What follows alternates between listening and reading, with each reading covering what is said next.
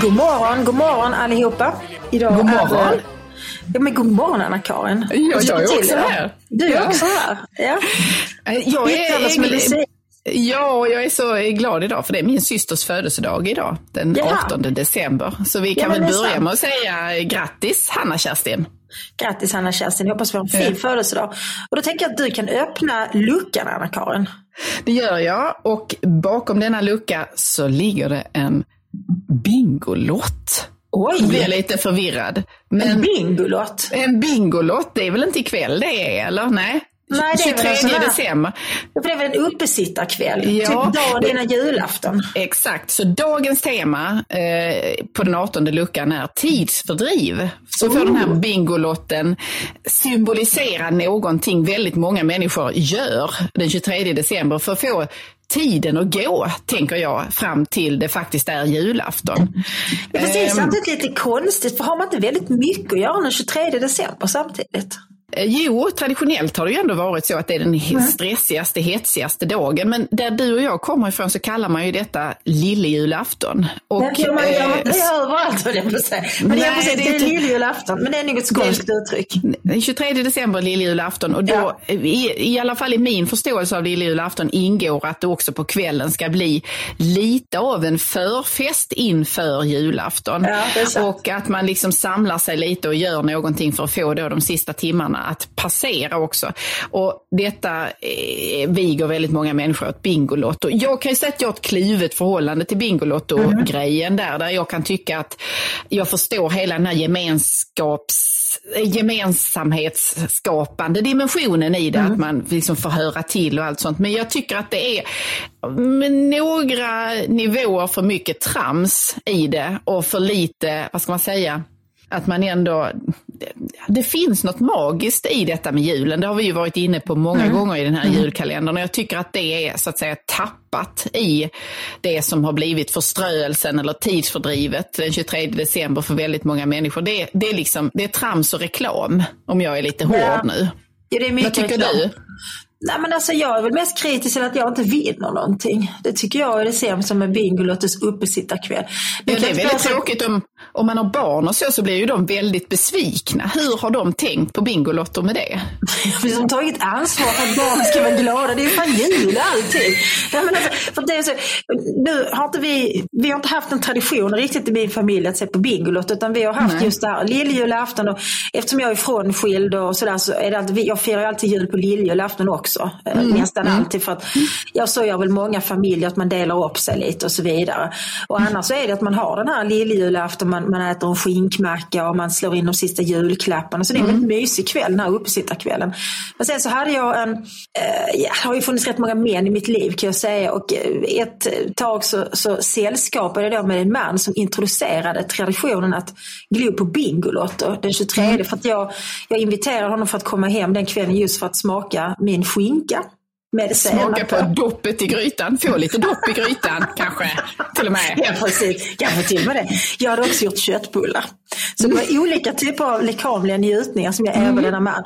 Och han kom då sättande eh, från det kvarter han bodde. Han bodde ett kvarter från mig bara. Eh, och då hade han köpt med sig Bingolotter till mig och mina tre barn. Ja, och men det var ju snällt barn, i alla fall. Ja, det var det. Men mina barn var ju helt de blev ju chockerade och förvånade över detta. De hade sett en Bingolott. eller så- Men de är ju kulturbarn, dina barn. Så Ja, liksom, vi, har inte så varit med i, för jag tror att man är med i någon sportförening, Ja, något precis, sånt precis. förbund. Men vi som håller på med hästar, vi har inte sålt bingolotter. Och mina Nej. pojkar har ju aldrig varit särskilt sportiga, jag kan inte påstå. Men i alla fall så då såg vi Bingolotto. Och sen efter det nu under pandemin så såg vi Bingolotto också just för att då blev det ju inte allt det här julfirandet med folk. Men då blev min dotter som faktiskt var rätt så vuxen vid tillfället, hon hade hunnit fylla 18. Men hon var ju så uppspelt över alla dessa bilar man kunde vinna och alla pengar. Så hon var ju 100% säker på att hon skulle vinna. Och det gjorde hon ju inte. Nej, Hon nej, tyckte- det är ju den lilla detaljen. Fruktansvärt många vinster och så var det ingen av oss som vann. Och då måste jag säga att de var också väldigt dyra att köpa. Och de var Ja, väldigt de. svåra att få tag på. För att jag bor ju i ett, ett väldigt mångkulturellt område i Malmö kan man säga.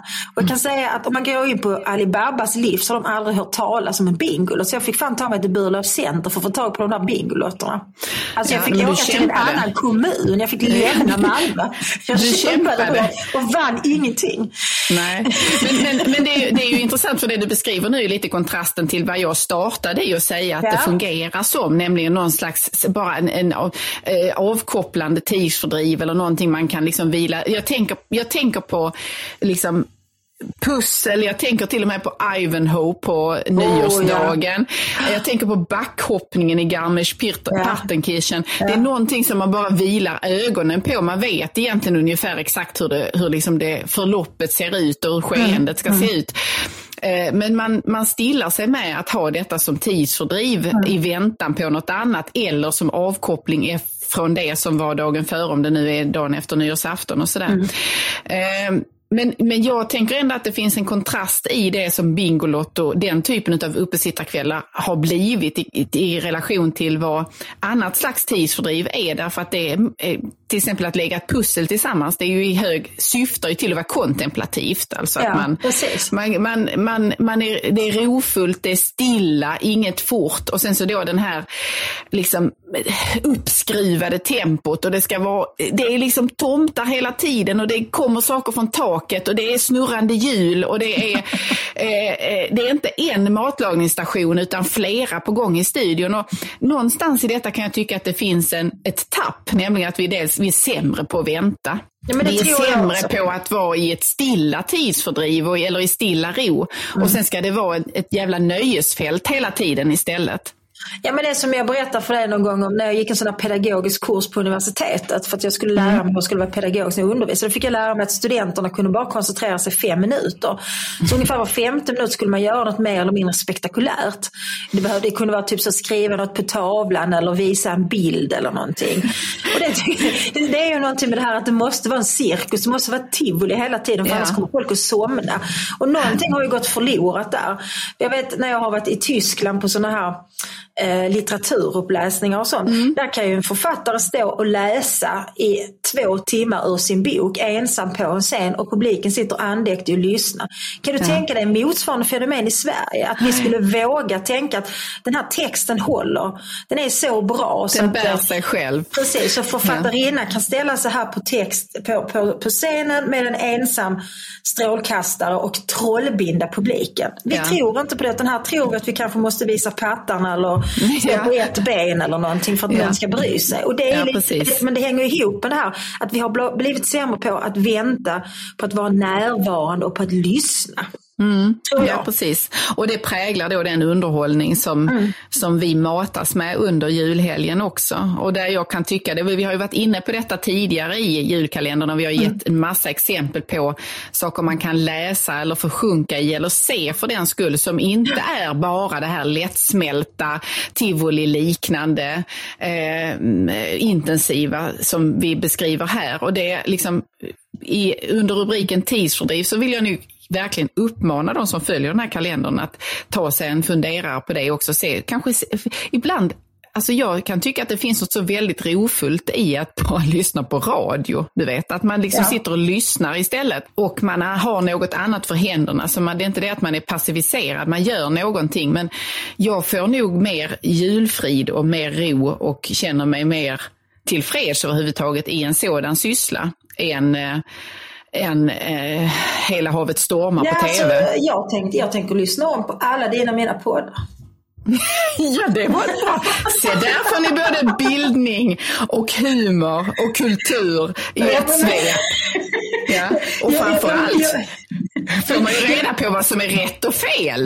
Precis. Men jag menar lite allvar, för jag, jag har alltid P1 på i bakgrunden. Ja. Eh, Jag har radio i köket, det är mycket otidsenligt som fortfarande har en radio. Men ofta blir jag väldigt irriterad på vad de säger. Därför att jag tycker mycket liksom i P1, även typ så Dagens Eko, Filosofiska rummet, alltså dels program som ska vara antingen helt neutrala och objektiva, alltså Dagens Eko eller Filosofiska rummet som ska vara lite mm. intellektuella bilder. De är så jävla politiserade så att jag, ja, jag, blir liksom, jag börjar tugga fradga och mm. känner att jag blir högröd och varm och vill explodera. Och det är inte bra för julstämning. Så leta upp en trevlig podd eller sätt på lite julmusik. Det har vi också kommit med rikliga tips. Det är bra ja. förströelse. Och sen att läsa en bok. Därför det som är fint med den här förströelsen, för mig brukar inte den möjligheten yppa sig den 23 till Nej. förströelse utan snarare jag tycker att den 25 och den 26 är mycket trevliga dagar för då man har fullt med mat hemma. Eh, det mesta har liksom stillat sig, lugnat ner sig. Man har hanterat de här stora julfirardagarna och man har, om man har tur så har man fått någon ny härlig roman i julklapp mm. och så kan man mm. få sjunka i den och inte mm. behöva tänka att nu måste jag laga lunch utan då skär man lite skinka och sen är man hemma. Liksom. Ja, det, precis. Bra. det tycker jag är julfrid och förströelse på ett mycket bra sätt. Så unna er det och mm. eh, eh, utmana er själva lite grann och välj inte bara det som är mest lättsmält alla gånger. Våga välja bort Bingolotto. Ta en roman och en skinkmacka tillsammans. Våga välja bort public service och välj istället söndagsskolan. det var nog dagens bästa råd tycker jag. Med dessa visa ord och med en önskan om att hålla stilen också denna dag så tror jag att vi tar farväl temporärt för vi dyker naturligtvis upp imorgon bitti igen. Såklart. Ha det yeah. bra. Håll stilen. Hej då. Hej,